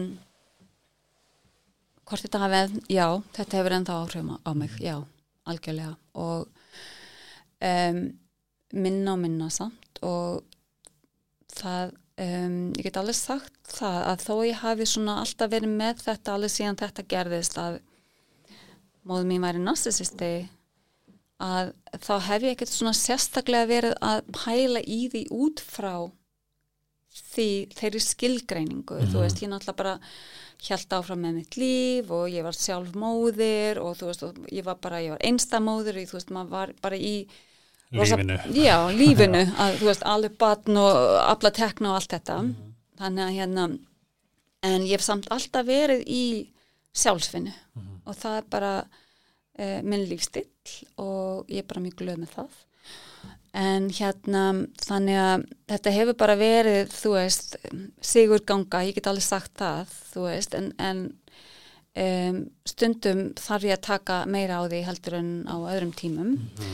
Og ég hef bara í dag allt önnur verkfæri heldur en ég hafði þá. Þú veist, ég get tekist á við hlutina á allt annan hátt og, og hérna þannig að ég hef lært mjög margt og tilenga mér mjög margt og uh, hef unnið mikið í þessu og er komin svolítið langt frá þessu sem er líka bara þess vegna sem ég þú veist, get talað um þetta á allt annan hátt heldur en ég hefði kannski fyrir 40 árum síðan, þú veist, ég er að vera 60 í næsta mánuði Er það? Já, Er það að vera 60 já, í næsta mánuði? já, Ok, ræðin það aðeins.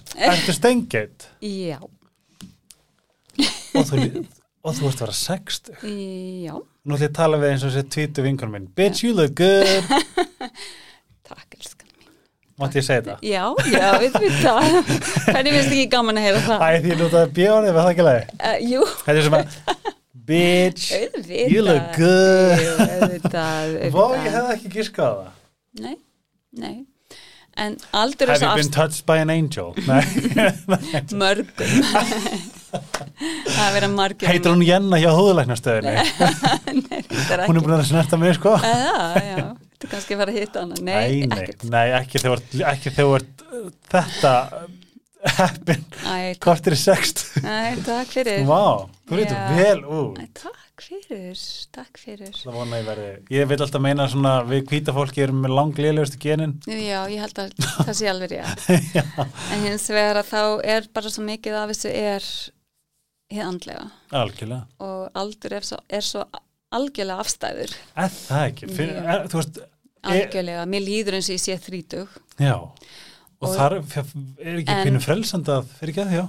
Mér líður eins og ég sé þrítug Mm. en samt með þá visku sem ég hef mm. unnið mér inn. Og það, Og það er, er- being rich. Það er það, gjössamlega ég myndi ekki Mhm. vilja vera aftur á þessum stað. Nei, og, og þetta er eins og að segja á hansku, it's earned. Emmitt ég hef unnið fyrir þessu. Og, og hérna þessi auðveldasta jafnvægi og þessi æðrulis sem ég hef í dag. Mm. og hérna um, ég hlusta á viðtal í einhverju podcasti fyrir ekki mjög lengur síðan við einmitt unga stúlku sem að uh, átti narsíska móður. Mm. og, uh, og ég hugsaði bara elsku unga stúlka, þú veist þetta var ég á þessum aldri Mm. og ég er svo þakklátt í dag að vera komin með þetta bil og þú veist þetta já, þessa fjallegð Mm. og að geta þá mögulega líka miðlað einhverju til þeirra sem eru þarna að, að því að, að þú veist, einum tímapunkti við tölum um þetta hérna líka áður en við byrjum að taka upp að stundum er maður á einhverjum stað þar sem að maður bara veit maður getur ekki verið á þessum stað lengur. Að maður kann ekki að komast á hinn já. og hérna og maður er einhver svona in between og það, veist, þetta getur verið bara já, fyrir ekki tryggar einhverja en þú veist, maður, maður fær bara sjálfsvíks hugsanir, ég, ég vil bara deyja. Ég, eh, réttar sagt, ég vil ekki deyja. Ég bara vil ekki lifa. Mhm. og hérna og það er svo vond að vera á þessum stað. Mhm. En ég get sko sagt í dag að ég er komin inn á þann stað sem ég vildi vera á þá og ég hef allt í dag og miklu meira heldur en ég sko hefði getað ímynda mér Vá. þá og á þeim stað þú veist það, það sem að mér langaði í veist, þetta voru ekki stóra kröfur sem ég gerði, þú veist mér langaði bara í venjulegt líf Mhm. mér langaði bara í, þú veist, maka kannski börn, eitthvað Mhm. uh, bara, þú veist, mjög eðlilegt normal líf, þú veist, bara það sem ég var í tengslum, þú veist. Og hérna, Og og, ég, ég held, og ég, ég held ég kæmist aldrei þangað. Nei. en í dag á ég í rauninni mitt draumalíf draumalífið, þú veist, ég menna ég á, á karriér, ég vinn sem rithöndur það hefði mig aldrei geta dreymt um heldur, þú veist að hérna geta bara skrifað bækur og, og gefa þær út og, og hérna og fólk les þær og, ég hef minna tekjur. áhrif, og hérna já, eiga góða fjölskyldu vera bara sátt Mhm. og síðast en ekki síst, þú veist að vera sátt, sátt við sjálfa mig og elska sjálfa mig og, og geta, þú veist eins og við vorum að tala um, bara, bara láti fólk eiga sig sem er ekki gott fyrir mig, sem er eitrað um, og, og, og hafa þá domgreind líka, að geta, þú veist, greint þar á milli. Og hérna, þannig að þú veist, það er alveg hægt vel hægt að að komast á þennan stað en en það líka krafst að maður vilji það og þú veist að maður já, maður vinni fyrir því sko. Þetta er svo, þetta er svo styrlað að hugsa til þess að þú veist staðurinn sem þú sagður, þetta er svo þetta gefur líka ákveð svona mér finnst ég vera svolítið séður þegar þú segir þetta með að vera á þeim stað, þú bara þetta er að sama og, og ég sjálfur upplega það var ef ég er svona ónýtur ánans og svona ónýtur með honum hvað á ég þá? Nákvæmlega. Og þetta er, og þetta er það sem að ég vil líka fólk taki alvarlega, sérstaklega þegar þið verið að tala um eða gera minna úr þessar, þessum upplifunum sem að við mörg göngum í gegnum, að þetta er graf alvarlegt að vera að reyna að diskredita hvað þetta er alvarlegt. Af því að einhvern veginn, og það og bara aldrei grunaði mig að ég væri þeim stað að ég myndi, ég myndi finna ró í að vera ekki þetta lengur. Mhm, það er bara ógæðslega alvarlegt. Og heyra þið segja það er líka bara ógæðslega alvarlegt. Það er svona þú veist að miðla því áfram að við erum minna ekki til þess að vera óheðali, við erum minna til þess að vera akkurat öfugt, við erum genuinely að reyna og sko bara blóðsvit og tár til þess að vernda fleiri. Mhm, og við þurfum líka fólk sem hafa ekki lendið um til þess að hjálpa okkur, mhm, skilur algjörlega. Við erum mörg sem hafa lendið sem við erum kannski ekki nógu mörg til þess að bara hjálpa sem flestum. Ég held að séu vak- gífurlega mörg. Við erum rosalega Já. mörg en kannski ekki nógu mörg til þess að ná fram þessari breytingu þess að við náum að vernda ennþá fleiri. Þess að þurfum við svo mikið fólk með okkur í lið til þess að trúa, til þess að hlusta já, til þess að vera vakandi, til þess að skilja til þess að ná kannski að hugsa ei við slum ekki gera þetta. Mhm. Eða ég myndi kannski passa maður á þessu og til þess þarf vitundavakningu. Mm -hmm. það þarf að, greina hvað þetta er. Það þarf að tala um það. Og, og þannig líka fólk sko hafi þessi hugtök sem ég til dæmis hafði ekki fyrir en ég fór hérna til læknisins og bara já. Uh, og þá var þessi bók nýkomin út einmitt, sem ég gæti um- lesið. bara tilviljun. Já. Og hérna og það gleði mig óstjórnlega mikið að hvað ég er búin að fá rosalega viðbröð við minni bók. Skiljanlega, hún er storkastlega já, takk. En þú veist, það sem ég er að fá er að fólk er að senda á mig sem þú veist, ég, ég er búin að, það ringdi yfir mig. Tölupóstum, skeitum fólk ringdi mér að segja í mig bara Vá. til að þakka mig fyrir að hafa skrifað þessa bók. Wow. vegna þess að þetta er speil og fólk getur speiklast þig og bara heyrðu, þetta er það sem að, oh my god, þú veist eitthvað svona. Og hérna, og þetta er bara það sem við þurfum. Og því fleiri sem að átta sig því fleiri geta sagt frá sinni reynslu og því fleiri geta aðri, þú veist, þannig að þetta, þetta er snjóbolti sem að byrjar að rúla og hann stækkar. Ég hef svo sem engar áhyggjur af því að þú veist, við getum kannski ekki farið núna og bjargað öllum, skilur við Nei. en bara mér finnst þessi vitundavakning sem hefur orðið á ekki sko lengri tíma, bara síðustu hvað, 2-3 árið eitthvað svo leiðis á narsisisma bara stórkastleg og þú veist, það er, það er fullt af podcastum uh, það eru Facebook grúpur, það eru þú veist, alls konar. Og hérna já, þannig að þú veist, þetta er að gerast. er ég mitt, ég mitt viss að ég, ég lendi svo og þú veist, fyndi líka bara hvernig tilvílinni gerast, ég var heima, ég maður nákvæmlega hvar ég var ég opnaði YouTube, eitthvað youtube.com ætla að hlusta eitthvað, horfa eitthvað það menn ég var búin til mat og það er vídeo með það sem Dr. Ramani var einhver staðar í ykkur viðtali bara eitthvað held viðtali Mhm. og það stóð eitthvað 5 eða 10 signs you might be in a relationship with a narcissist Mhm. og ég veit ekki af hverju klikkaði ég veit að því að vinkonu mín var í þannig og það er fyrsta skipt sem ég heyrði þetta orð Mhm. aldrei heyrði þetta áður og það var byrjun á mínu algjör til þetta bara, þetta bara algoritmin eitthvað að poppa upp eitthvað vídeo kannski ekki tilvílun kannski tilvílun, þú veist mm. Mhm. englandar að vinna Mhm. En að því um nefnir hana, Dr. Ramani, Mhm. að hún er líka að vinna alveg stórkoslegt verk Ó, já. Í vitundavakningu og, og hennar sko YouTube rás er með meiri miljón fylgjendur. Þannig að þú veist það líka segir okkur eitthvað að ég held bara að þörfin sé mikil Mhm. fyrir umræðu um þetta. Og um leið og það fer að opnast meira á, á þetta að þá fer fólk að fatta og heilunin er að eiga sér stað. Já. og Ó, hérna takk fyrir að segja þetta. Já, ég er og, svo hrættur, ég er bara í ótta já, en það er líka bara eins og tölum um í byrjun, þú veist, það, það eru eðlileg, líkamleg viðbröð hreinlega. Og en eins og vorum að líka tala um við byrjum að taka upp að hérna, þegar maður frontar narsist þetta og nota beni að maður þarf að fara mjög varlega í það. Og ég gerði það ekki, ég lýsi því í bókinni þegar ég frontaði móðu mína og ég fann fyrir það sem að ég veit núna er kallað narcissistic rage uh, þessi offsa reyði sem að brýst fram þegar maður frontar narcissista að því að þegar maður sviftir að um hulunni Já. og hérna og skyndilega. skyndilega uh, að það getur verið mjög hættulegt. Mhm. og hérna og ég held að flestir sem að eru svona inn í þessum fræðum í dag mæla ekki með því að maður geri það. Og hérna þannig að um, en mín upplifun var að þetta var eins og að skvetta svona holy water eða þess að heilig og vatn. Já, á, á, á bara einn djöful eða púka, þú veist.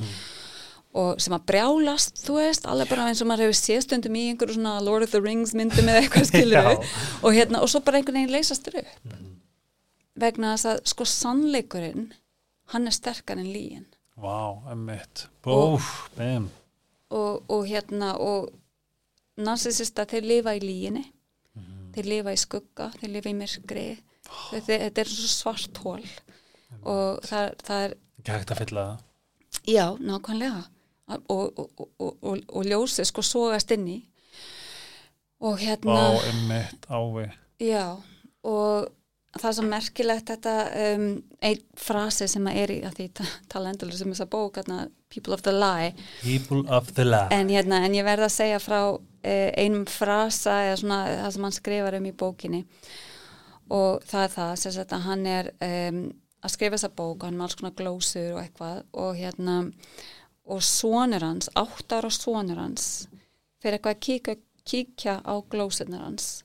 Og hann segir við hann um, Daddy evil is live spelled backwards Þegar ég las þetta. Já, og ég segi frá þessi bókinni minni mitt. En þú veist, þetta fyrir mér kjarnar narsisisma þú veist, þetta ef maður talar um sko tvær mismyndu orkur í heiminum, þið góð og þið ítla að þá er þetta, þú veist, the opposite of live skilur við, það er bara andstæðan við lífið. Það er ílskan og það er þessi narsisismi sem er, þú veist ílskan er kjarnin í þessu vegna að það er lígin, það er myrkrið það er svarthóli, þú veist, það er allt þetta sem er í sálum okkar, skilur við, ég meina eh, eitt af því sem ég lærði í þessu ferli e, þegar ég var, mér leið sem vest og ég var að berjast við þetta að því mér fannst ég vera andsetin, hreinlega. Það varst að skrifa? Ég, nei, þegar Já, ég- þegar- þarna þarna, í- það sem ég er að lýsa í bókinni svo verð ég ástfangin, ég lýsi því líka þú veist, kynnist þarna strák sem að þú veist og við bara einhvern veginn, verðum einhverju sálufélagar þarna sko. Er það, er það hann sem var á, á barnum? já. Og hérna, og hann kemur eitthvað svona með einhverju rosa, hann sér mig þú veist, hann sér mig og hann vill þú veist, að við verðum í sambandi og ég bara gata ekki, Mér, ég upplýði mig sem andsetna, ég bara, mér langaði en það var eitthvað svona orka í mér sem að bara reif mig niður og bara, þú veist og hérna, og bara stóði í vegi fyrir því að ég gæti blómstraði, ég gæti átt gott líf og það var þá sem að, þú veist, ég var í mestra örvætningu og hugsaði bara, get ég aldrei áttu bara venjulegt líf Verð, verður mitt líf bara þetta, þú veist og hérna uh, hvort var ég að fara með þetta? Ég er bara dálitur í það sem þú ert að tala um sko. Já, ég var að tala um þetta með um, já, live spelled backwards og Já, allt þetta. emmitt, sko að vera ég ansetin af þessari orku. Já, ég veist það svo finn Nei, þetta er ekkert fyndi Þegar það sem var svo störla var að þegar ég las þetta þá fæ ég svona, þú veist, ég fæ svona epiphany moment, bara svona oh, og allt í mér þó, ég- þó mér fannst þetta að vera pínu harsh þá vissi ég þetta var rétt. Og það er svolítið magnað. Já, og hann einmitt skrifar um þetta sko þegar hann eh, hérna skrifa bókina hann People of the Lie og The Hope for Healing Human Evil er þess að undir titillin og hann tekur þetta sem út frá svona kristnum hérna standpoint og allt þetta. Og hann leggur mjög mikla áherslu á það þú veist að það að dæma einhvern sem evil er rosalega stórt. Já. og þú veist, það er það. En, og hann segir, þú veist að maður verður að vera sjálfur búin að vinna vinnuna. Mm og, og hérna, og ég man ekki hann vitnar eitthvað í eitthvað biblíuvers sem að, þú veist cast a plank out of your own eye eða eitthvað svona, þannig að þú getur séð skýrt. Þú þarfst að vera búin að vinna í þér þannig að þú getur séð skýrt. Og þetta er kannski ekkert verið að dæma það bara verið að kalla hlutina réttum nöfnum. Og við þurfum að kalla hlutina rétt, réttum nöfnum. Einmitt. þurfum að þóra því til þess að geta talað um það hins vegar ef að þú ert með einhverjar annarlega kvatir skiluru, þá má líka nú, misnota þetta Mhm, einmitt. og dæma einhvern sem í skiluru, þetta er rosalega vand með farið. Algjörlega. en það sem að mér finnst svo dásamlegt í þessari bóku og allir þessari umræða hans er þetta bara það sem að kemur frá þessu batni sem er með svo skýra sín evil is live spell backwards. Þú veist þetta bara, seg, bara segir þetta allt sko Ég myndi aldrei sleppa þér hérna út fyrir en að við tölum um dóttuðina. ok, já Það er, það er skemmtilegt að segja frá því að, að, að glöggir kannast örgulega við dóttuðina, mm hana Aldísi, Ama, Hamilton. Já. Ekkert ella sætt. og ég er svona líka bara forvitin, já, leikona. akkurat, Um, með meiru með meiru, Mm. halló, hérna, hérna, ég, æ, þú segir henni frá ég hérna með tölvuleikin. Girl. hérna, um, þegar þú eignast hana, já, hvað gerist í þínu systemi þegar þú ert núna orðin móðir sjálf? já, Þú veist, nummer eitt, það er aldrei auðvelt að vera nýmóðir, það er bara gefið, en með þína sögu, hvernig var, hvað, hvernig var þitt ferli, hvað hana var þar? mhm sko ég hveiði alveg rosalega að verða móðir ég hérna um, ég var alveg sjúklega hrætt um að ég myndi endur taka minnstrið Vá. þú veist, Mm. og ég þurfti bara stanslaust að spyrja mig, þú veist, er ég eins og móðu mín? Er ég að fara að verða eins og móðu mín? Já. Og, Bara eins og, eins og þú myndir bara koma á einhvern veginn gleipa já, þú veist, ég bara, ég myndi ekki hafa neina stjórn og þú veist, myndi bara vera eins og hún og hérna og ég spyr mér að þessu enn þann dag í dag poppar þetta upp stundum, þú veist, oh my god, er ég að verða eins og móðu mín, skiliru um, og ég myndi segja að rætt þetta við fagaðila, sko, þú veist, í gegnum tíðina. Og, og hérna, en svarið er yfirleitt á, þá, á þann veg að ef þú ert að spyrja þessar spurningu þá ert ekki narsisisti. Það er gildareglan. Já, vegna þess að þeir Þeir spyrja sér ekki. sig ekki þessar spurningu. Akkurat. Alls. Og hérna, þannig að, uh, nei, nei, ég var náttúrulega bara líka mjög spennt að verða móðir, en þetta var alveg stór þáttur í því allu, sko, að ég, ég var mjög kvíðin fyrir utan það að um, ég vissi ekki hvernig ég átt að ver vera móðir, þú veist, hvernig ég hafði enga fyrirmynd, skilur eina fyrirmyndin sem ég hafði var þessi. Mhm.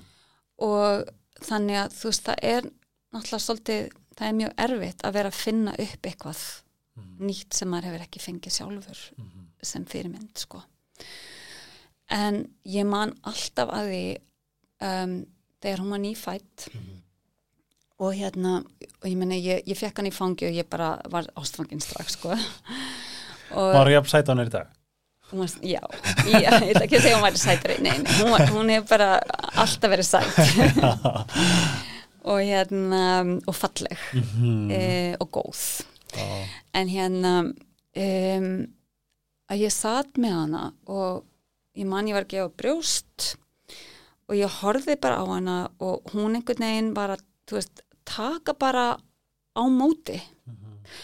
Og hún var svo örug í þeirri fullvissu að hennar þörfum er þeim mætt Ó, skilur, falleg. skilur mig. Já. eins og öll börn eru. Já.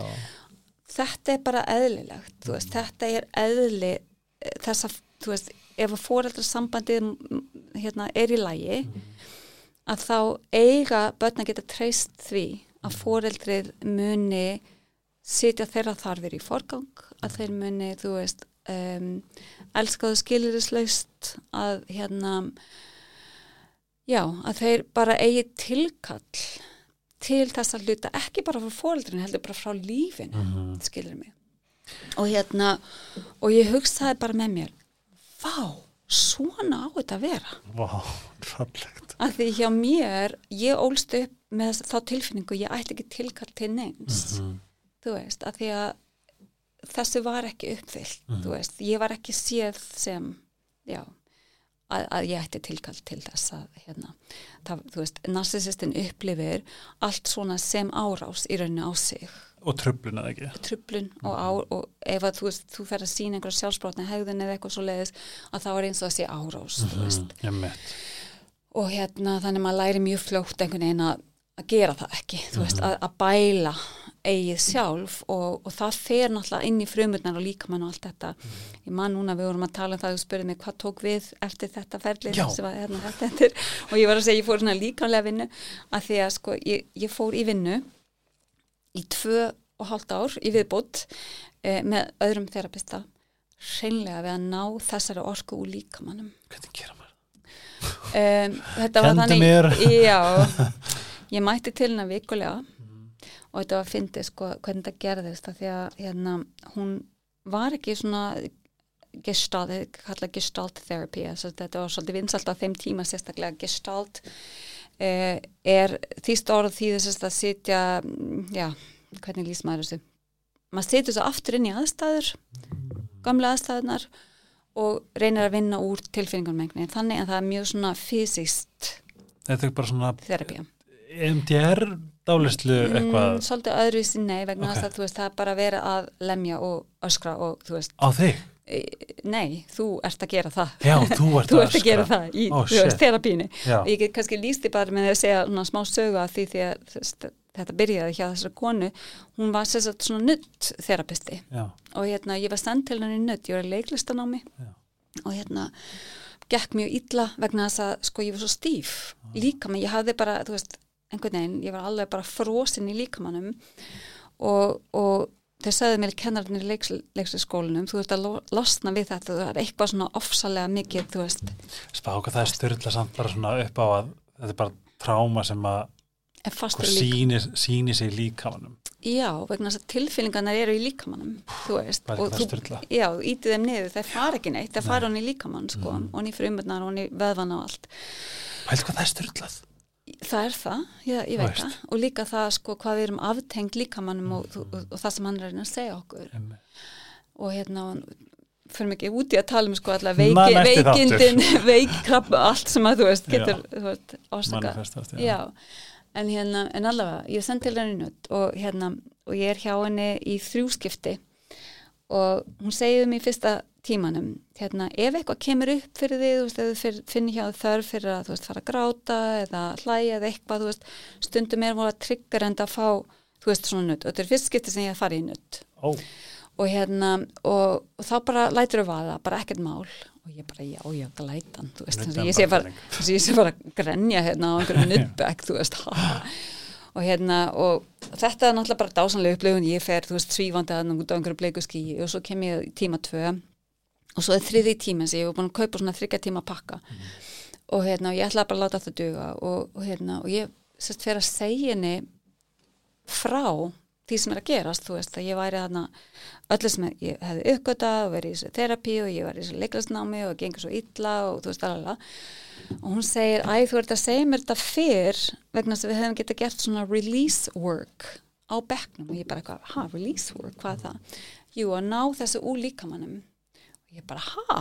Veist, ég hef aldrei heyrt um þetta. Tilfinningar getur bara verið fastar í líkamann, hvað meinar þau, þú veist? emmitt, en líka þá hlýtir þetta að verið bara svona hvað mambo jumbo bull er þetta Já, þú veist, ég bara Nú skiljum við þetta kannski aðeins betur nákvæmlega, miklu, meiri veikniskemynda núna, Já. en hérna, hún segir við mig hérna, þú vil koma aftur, eitt skipti viðbót að þá getur við tekið svona session þar sem að þú veist, kannski tekið um hálftíma í nutt og svo getur við gert svona hálftíma í release work og ég bara, ok, hljómar interesting, prófum þetta og hérna, Weird but interesting. Einmitt, og svo, þannig að ég fer til hennar í fjóra tíman og hérna og hún var með svona sérst, og svona notalega nuttstofa og svo sérst, var svona herbyggi sem var svona eins og útskott af því og það var svona alls konar einhverja dýnur og dót sem hún var með þarna þetta var svona eiginlega bara svona, svona geimsla eða eitthvað Var þetta í Toronto? Já. Já. Og og hún segir hérna, ok, förum hérna inn og bara sestu bara, þú veist hérna á dýna og bara andaðu djúpt fyrir mig svona nett jóka og, og þú veist, hvað er að gerast í líkamannum, þú veist, hvað finnur þau og, og ég kom, hm, fannst það var með eitthvað skrítið og finn ég, já, hvað finn ég eiginlega, jú, jú, ég finn rosa reyði, ah, eitthvað svona, að því ég hef verið, já, ég hef verið svo lengi að reyna að finna einhverja reyði, þú veist, og hérna, jú, ég held ég finni fyrir reyði og hún eitthvað, ok, hvað viltu gera við þessa reyði? Ég bara, hvað meinar þau? Hvað vil ég gera við hana? Ég meina, hvað viltu gera? Þú veist, viltu, þú veist, lemja eitthvað, viltu eitthvað? Ég segi, mér langar að rífa eitthvað. Og hún eitthvað, ok, heyrðu, býta aðeins. Og hún fer fram og ég bara, mm, ok, hvað er gerast? Hún kemur aftur inn og er með svona mjög þykka símaskrá. Veist, og ég bjóði í Toronto og hún var svona mjög veist. Og hérna, hún slingir hún svona niður, bara hérna, gerstu vel? og ég bara, ha, hvað? Bara rífðu og ég bara, á ég actually að, veist, rífa mm Mhm. bara, já, bara rífðu og ég bara einhvern veginn byrja að rífa og upp frá því að þá sérst hitt ég hana vikulega og Aha. hérna, og hún var með svona tennisbaða og hún var með hitt og þetta og alls konar dýnur og dót, sko og ég get sagt þér það að ég hefði verið svo ábæðslega aftengt mínum líkama og þú veist öllu, ég, ég, þetta hafði bara verið svona algjör dissociation Mhm. Og ég hafði ekki grátið frá því ég var tíara Vá, í alveg Jöp, meirinn áratug. Og þarna lærði ég sem sagt að sleppa því öllu.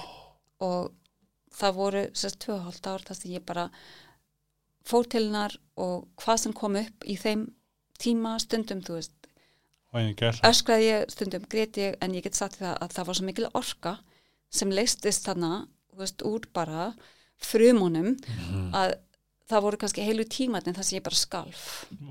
Ég bara skalf.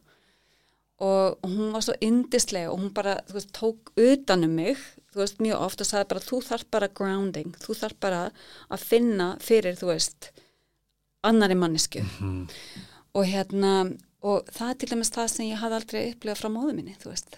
Aldrei almennilega þessa, þú veist grounding, þessa hlýju, því hún var líka svo aftengd og ég er ekki að segja að hún hefði, þú veist gert þetta því hún var svo vond.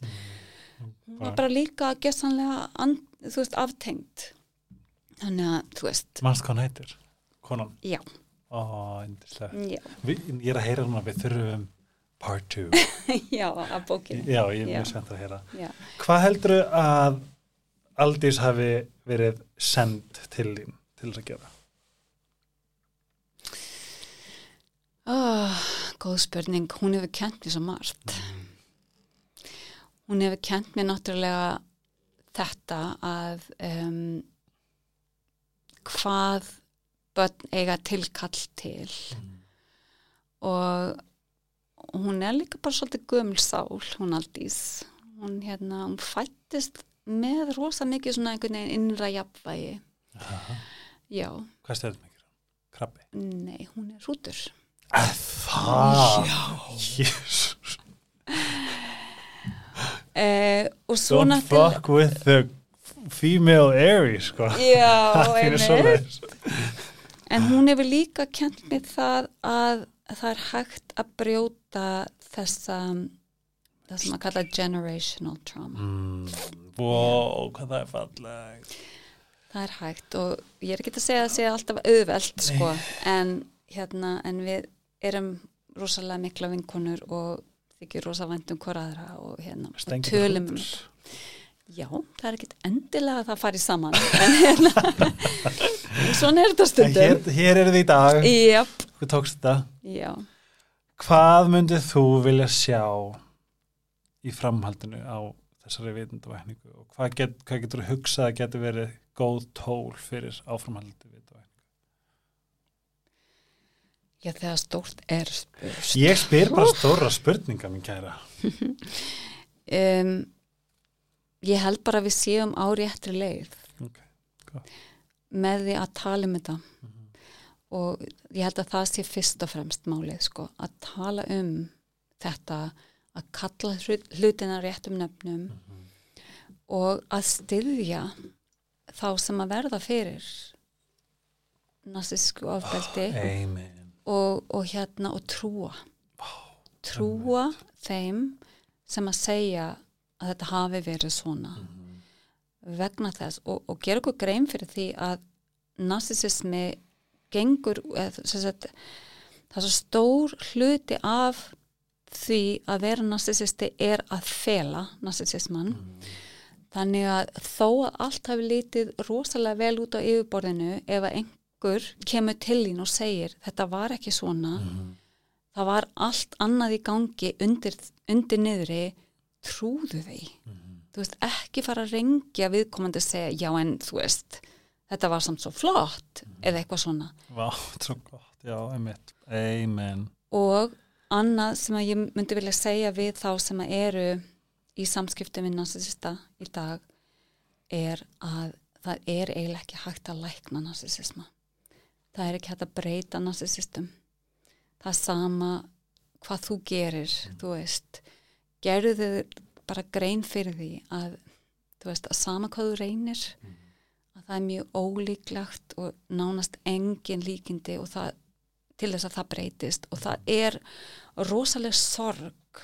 Það þarf að fara í gegnum mikið sorgarferli til þess að sætta sig við það. Já, Bara góð orð Hvað er besta ráð sem við fengið? sleppa tökunum og lifa guði Ó, hvað er æði já. Hvað besta ráð sem við fengið? þetta, þetta Hvað? sleppa tökunum og lifa guði Nei, fyrir hvað? Ó, hvað, varst að spyrja maður veitu, hvað er besta ráð sem við gefið? besta ráð sem ég hef gefið sleppa tökunum og lifa Góð orð. Bókin Daughter er til í Eymundsson hún er þar á meturlista. Já, var það í sumar allavega? er uh, stórkastlega bók mikilvæg á að spyrja mig fyrir alla að lesa. En það mikilvægri fyrir fólk sem að þið getur verið mjög góð hérna, gjöf fyrir þá sem að eru kannski ringlaðir. En fyrst og fremst mikilvægt fyrir okkur öll að lesa upp á að vera meðvitaðari til þess að hjálpa, styðja, skoða og verða til staða fyrir. Alda allur minn heiður. Æ, Helgi, það búið að vera indislegt að vera með þér og Og spjalla við Þú ert bara velkomin hvena sem er. Ég býð spenntur eftir næstu bók og fyrir ykkur uh, sem haf, hafið áhuga á frekari hérna, bókum þá ertu búin að gefa út 11 bækur, 13, 11 e, Já, tíu í viðbútt, já við Þið getið séð þetta alltaf á aldasegmunds.com Jú, Takk fyrir mig. takk sem er ert- leiðis Stórkostleg Takk fyrir sem er leiðis minn kæri og sjáumst vonandi aftur. Já, Takk.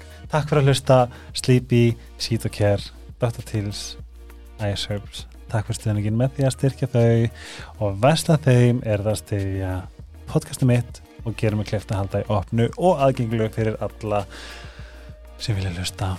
Heyrst næst.